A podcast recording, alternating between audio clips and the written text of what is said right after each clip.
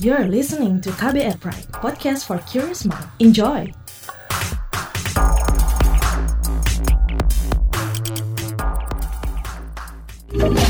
Kamu lagi dengerin What's Trending KBR Pagi. KBR Pagi, siaran pagi radio paling update. Pagi ini emang waktunya asik untuk ngedance, berolahraga, atau melakukan aktivitas. Bisa mengeluarkan keringat dan jadi lebih segar ketika beraktivitas di kantor, di sekolah, atau di tempat kuliah. Jadi lebih semangat, fresh, pikiran jadi lebih ringan. Bisa menghilangkan sedikit beban masalah gitu katanya dengan berolahraga apalagi dihibur dengan lagu yang ngebeat ya. Nah, tapi kalau Anda mendengar soal rancangan undang-undang ketahanan keluarga, bukan ketahanan pangan ya, ketahanan keluarga, kira-kira masih mau ikut ngedance juga nggak? Atau mau ngedance jari jemarinya nih buat memberikan uh, pendapat, protes, atau juga pro dan kontra? Iya, pagi hari ini kita akan menyoal soal polemik rancangan Undang-Undang Ketahanan Keluarga. Ini menjadi polemik di masyarakat loh ya. Pro kontra soal rancangan undang-undang usulan anggota DPR ini terlihat di media sosial. Ada yang menganggap rancangan undang-undang ini wajar, tapi berkembang pula anggapan bahwa aturan itu terlalu mencampuri urusan ranjang hingga perasaan. Karena di dalamnya ada tertulis kewajiban suami istri untuk saling mencintai. Uh, apa sih isinya kira-kira rancangan undang-undang ketahanan keluarga ini? Nah, jadi di dalam draftnya mengatur kewajiban suami dan istri, seperti kewajiban suami sebagai kepala keluarga yang harus bertanggung jawab untuk menjaga keutuhan dan kesejahteraan keluarga, juga memberikan keperluan hidup berumah tangga sesuai dengan kemampuannya. Sementara kewajiban istri mengatur urusan rumah tangga sebaik-baiknya, serta menjaga keutuhan keluarga. Dan rancangan undang-undang ini juga mewajibkan masyarakat untuk melaporkan kalau ada anggota keluarganya yang LGBT atau lesbian, gay, biseksual, atau transgender, juga harus dilaporkan kalau ada dalam melakukan hubungan seksual terjadi sadisme atau masokisme karena itu dianggap penyimpangan seksual. Nah, kalau menurut Yayasan Lembaga Bantuan Hukum Indonesia atau YLBHI, Asfinawati, dia menilai tidak ada urgensi untuk melanjutkan proses pembahasan rancangan undang-undang ketahanan keluarga ini. Menurut YLBHI, dalam draft tersebut banyak pasal yang terlalu jauh masuk ke ranah privat, seperti soal hubungan suami istri, soal pendidikan anak dalam keluarga, soal eh, suami istri harus saling mencintai, menjaga keutuhan rumah tangga, dan sebagainya. Nah, menurut YLBHI, kalau rancangan undang-undang ini tetap dilanjutkan, maka Indonesia akan menjadi negara otoriter yang mengatur dan mengawasi hal-hal privat dalam keluarga. Itu tanggapan YLBHI. Kalau Anda, apa nih respon Anda terhadap rancangan undang-undang ketahanan keluarga ini? Dan ngomong-ngomong, apa sih latar belakang munculnya rancangan undang-undang ini? What's trending KBR pagi? Nah, regulasi rancangan undang-undang ketahanan keluarga ini diajukan oleh fraksi PKS, Golkar, Gerindra, dan juga fraksi PAN. Apa sih yang menjadi latar belakang rancangan undang-undang ketahanan keluarga ini? Kita akan dengarkan penuturan salah satu politisi pengusul rancangan undang-undang tersebut dari fraksi PAN, Ali Taher berikut ini. Banyak perceraian. Kedua, banyak keluarga yang ditinggalkan entah istri meninggalkan suami antara suami meninggalkan istri dan anak-anak ketiga ada pekerja migran ke luar negeri nah itu kan juga problem jadi entah istri yang bekerja entah suami yang bekerja atau dua-duanya bekerja kemudian meninggalkan anak itu kan banyak hal yang memerlukan solusi agar keluarga tetap terjaga, terbina dengan baik, kemudian juga tidak meninggalkan beban-beban psikologis, juga ekonomi terhadap masa depan anak-anak mereka maupun keluarganya.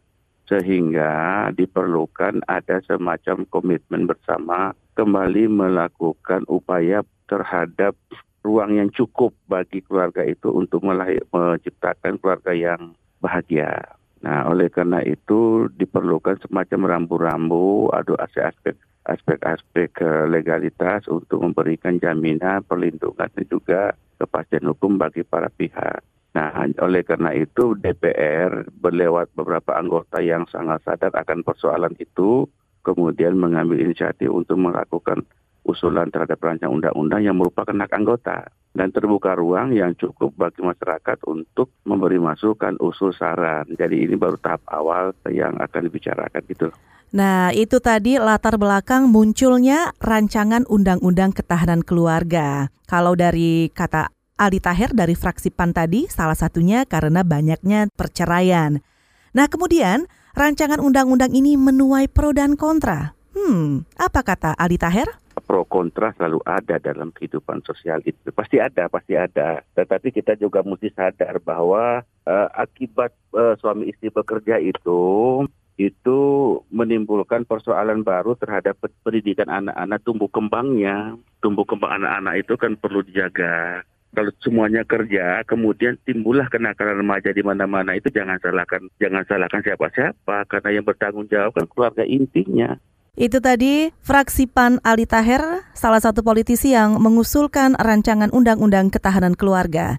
Sementara itu, fraksi PKB justru berpendapat bahwa ketahanan keluarga dapat dicapai melalui penguatan kementerian-kementerian terkait, seperti Kementerian Pemberdayaan Perempuan dan Perlindungan Anak. Nah, kita akan dengarkan penuturan anggota DPR fraksi PKB Maman Imanul Haq berikut ini. Ya, PKB itu sikapnya jelas bahwa perlindungan anak, pemberdayaan perempuan, serta berbagai hal yang mengacu kepada kekuatan nasional itu harus berpacu kepada bagaimana kita menguatkan ketahanan keluarga. Nah, itu pertama. Yang kedua, tetapi yang kedua, kita melihat sesungguhnya banyak sekali regulasi yang mengacu kepada arah sana yang implementasinya belum secara bagus di apa dilaksanakan oleh pemerintah. Sehingga PKB lebih memilih sikap agar penguatan keluarga itu itu diperkuat lewat implementasi beberapa regulasi, terutama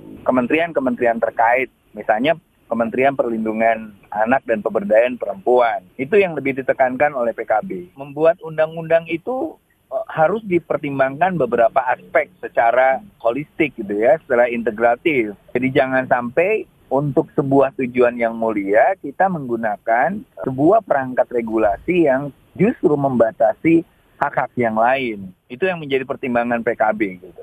Nah, kira-kira apakah soal rancangan undang-undang yang mengurusi urusan privat masyarakat ini seperti apa tanggapan fraksi PKB Maman Imanul Haq? Kita dengarkan berikut ini. Di garda depan bahwa negara tidak boleh melakukan intervensi di ruang-ruang privat, termasuk sebenarnya di hak berkeyakinan seperti itu, karena negara hadir memberikan rasa aman, memberikan nilai keadilan kepada siapa pun, uh, tidak melihat uh, jenis kelamin, tidak melihat juga agama dan keyakinan. Jadi jangan sampai negara terus-terusan ingin masuk mencampur urusan termasuk urusan-urusan privat seperti itu. Oke, itu tadi dari fraksi PKB Maman Imanul Haq yang juga tidak setuju atau menolak rancangan undang-undang ketahanan keluarga ini. What's trending KBR pagi? Kita masih menyoal polemik rancangan undang-undang ketahanan keluarga yang dinilai terlalu mengatur atau mengawasi hal-hal privat dalam keluarga. Salah satunya mengurusi soal kewajiban suami dan istri, mengurusi juga kalau ada anggota keluarga yang LGBT atau ada penyimpangan seksual itu juga wajib dilaporkan. Nah, musisi sekaligus aktivis Ananda Badudu, dia merespon rancangan undang-undang ketahanan keluarga di akun media sosialnya. Ananda mencuitkan usulan untuk dimasukkan dalam rancangan undang-undang itu nih. Ia menyebut pentingnya memasukkan merek karbol atau sabun pencuci piring yang dianggap baik bagi ketahanan keluarga. Oh, cuitannya ini mendapat 50-an respon berbagai usulan soal pengaturan kebiasaan sehari-hari penghuni rumah. Nah, soal ini kita obrolin lanjut aja bareng aktivis juga musisi Ananda Badudu. Selamat pagi Ananda. Ini bagaimana Anda merespon rancangan Undang-Undang Ketahanan Keluarga ini? Respon yang pertama, kalau dari selentingan-selentingan draft yang beredar di uh, internet dan media sosial ya, rasanya pasal-pasal poin-poin yang ada di dalamnya itu terlalu jauh mengatur ranah privat gitu ya sampai urusan peran uh, istri, peran suami dalam keluarga. Saya kira itu kan adalah kebebasan tiap-tiap keluarga, tiap-tiap individu untuk menentukan bagaimana mereka ingin menjalankan uh, yang namanya keluarga gitu. Jadi uh, saya pikir negara perannya bukan bukan di sana gitu. Negara ikut campurnya bukan di sana. Nah, lalu Anda juga mengekspresikan ke media sosial dengan mencuit menyebut merek-merek produk cuci yang sebaiknya juga diatur dalam rancangan Undang-Undang Ketahanan Keluarga. Ya, ini maksudnya gimana tuh ya? Segala merek karbol dan sabun cuci juga dicuit? Itu sebenarnya bercandaan yang serius gitu ya. Maksudnya uh, kemasannya bercandaan tapi uh, motifnya serius. Motif motifnya maksudnya ini udah terlalu jauh mau ikut campur urusan individu orang sampai ke keluarganya. Ya udah sekalian aja atur kayak gimana keluarga menggunakan sabun cuci atau gimana keluarga menaruh makanan di meja atau atur aja sekalian karbol apa yang dipakai yang paling ideal buat rumah atau gimana seharusnya anduk diletakkan setelah mandi itu gimana caranya? Ya udah sekalian aja atur yang kayak gitu. Kalau memang mau mengatur seluruh aspek kehidupan tiap-tiap orang di Indonesia gitu ya. Dari cuitan itu apa nih respon yang Anda dapat? Iya kemarin kocak juga sih baca-bacain nggak malah jadi hiburan sendiri. Kayaknya orang-orang juga mau nanggepin marah-marah tuh udah gimana ya. Tapi kupikir sih orang-orang ininya sama ya maksudnya ngetawain ngetawain uh, niatan untuk mengatur kehidupan orang segitu jauhnya.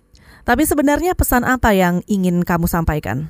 Uh, negara dibutuhkan dalam urusan publik ya, gimana satu individu bertemu individu lain uh, secara uh, berkelompok gitu dan baru di situ uh, ada rambu-rambu agar kita hidup sama-sama enak gitu. Tapi untuk tiap-tiap individu atau keluarga di rumahnya masing-masing itu adalah kebebasan individu gitu ya. Maksudnya kita nggak bisa nyamain orang orang Batak dan orang Manado mengurus keluarga gimana atau orang Padang yang matrilineal dengan orang Jawa gitu apakah harus disamakan peran suami istri dalam tiap-tiap keluarga kan nggak bisa. Jadi itu lebih ke suatu pemaksaan ya. Maksudnya yang justru mungkin nggak sesuai dengan budaya lokal tiap-tiap keluarga di Indonesia. Nah, sebagai generasi muda yang nantinya juga merasakan dampak dari produk hukum seperti ini, apa kekhawatiran Anda? Khawatir yang kita pandang baik, yang kita ingin terapkan dalam keluarga kita itu justru dipandang buruk oleh negara dan kita jadi dilarang gitu melakukannya. Kayak misalnya soal kesetaraan gender. Kan anak-anak sekarang mungkin udah jauh lebih banyak literasi yang beredar tentang apa kesetaraan gender dan bagaimana menerapkannya dalam kehidupan sehari-hari. Dan anak-anak sekarang kan kalau misalnya punya keluarga ya ingin juga menerapkan itu gitu. Maksudnya nggak melulu uh, yang namanya ibu-ibu tuh kerjanya di dapur doang. Gitu. Kalau misalnya keluarga era 45 era kemerdekaan ibu-ibu banyak yang ngurus di dapur ya di era 2020 uh, eh, harus ada kemajuan lebih dari itu dong dan itu yang mau kita terapin gitu dan ya udah itu itu adalah kebebasan kita untuk memilih negara nggak usah ikut-ikutan ngatur gitu. Oke itu tadi musisi sekaligus aktivis Ananda Badudu yang merespon soal rancangan Undang-Undang Ketahanan Keluarga. What's trending KBR pagi? Penasaran sama komentar Miss KBR? Ini dia Miss KBR. Miss KBR so excited. Boleh deh ditangkap polisi. Borgol aku. Miss KBR kan demen di borgol-borgol Itu yang termaktub dalam RUU Ketahanan Keluarga yang melarang penyimpangan seksual termasuk BDSM. Itu menurut yang bikin rancangan undang-undang loh ya. Kagak paham sih dasarnya apaan. Nah, perkara penyimpangan seksual itu kan bisa banget ya dibaca di Diagnostic and Statistical Manual of Mental Disorders atau DSM. Kalau ada persetujuan masih kedua belah pihak, ya bukan penyimpangan toh. Itu berlaku juga untuk orientasi seksual selain heteroseksual, bukan penyimpangan. Em? Dan homoseksualitas juga tiada menyimpang. Secara kan ya kalau situ baca pedoman penggolongan dan diagnosis gangguan jiwa edisi 3 PPDGJ 3 yang diterbitkan Departemen Kesehatan RI tahun 1993 kan disebutin bahwa orientasi seksual bukanlah gangguan tapi ya ada banyak pasal ajaib terlalu masuk ke ranah pribadi alias wilayah domestik warga negara. Bahkan itu ada loh pasal yang isinya mewajibkan suami istri saling mencintai. Aduh, pada bucin apa hopeless romantic nih para pembikin RUU itu. Apa kabar tuh yang kawin setelah ketemuan sekali doang? Oh, mungkin mereka termasuk yang percaya bahwa cinta pada pandangan pertama itu ada. Hawa-hawa Valentine ya, Wak. FYI, kata keluarga itu muncul, muncul sebanyak 601 kali, kata agama muncul 56 kali, terus hormat ada 12 kali, sementara kalau kata cinta itu muncul 8 kali dalam rancangan undang-undang itu. Akan tetapi, kata setara nggak muncul sama sekali dong. Hmm, pantes. Kok Miss KBR juga ketemu pasal yang mereduksi peran ibu alias istri dalam keluarga. Nih, perempuan diwajibkan mengatur urusan rumah tangga sebaik-baiknya serta memenuhi hak-hak suami dan anak sesuai norma agama, etika sosial, dan ketentuan peraturan perundang-undangan. Artinya, nggak boleh dong istri kerja.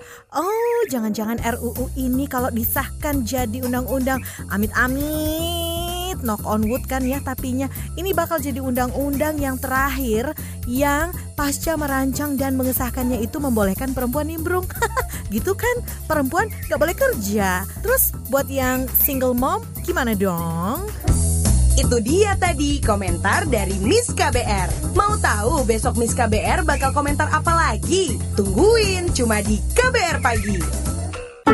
What's Trending KBR Pagi. Anda yang tertinggal siaran ini bisa menyimaknya kembali di podcast What's Trending dan juga podcast WhatsApp Indonesia. Klik saja kbrprime.id. Di sana ada logo What's Trending juga logo WhatsApp Indonesia. Saya Eka Juli pamit. Salam. Terima kasih ya sudah dengerin What's Trending KBR Pagi. KBR Prime, cara asik mendengar berita. KBR Prime, podcast for curious mind.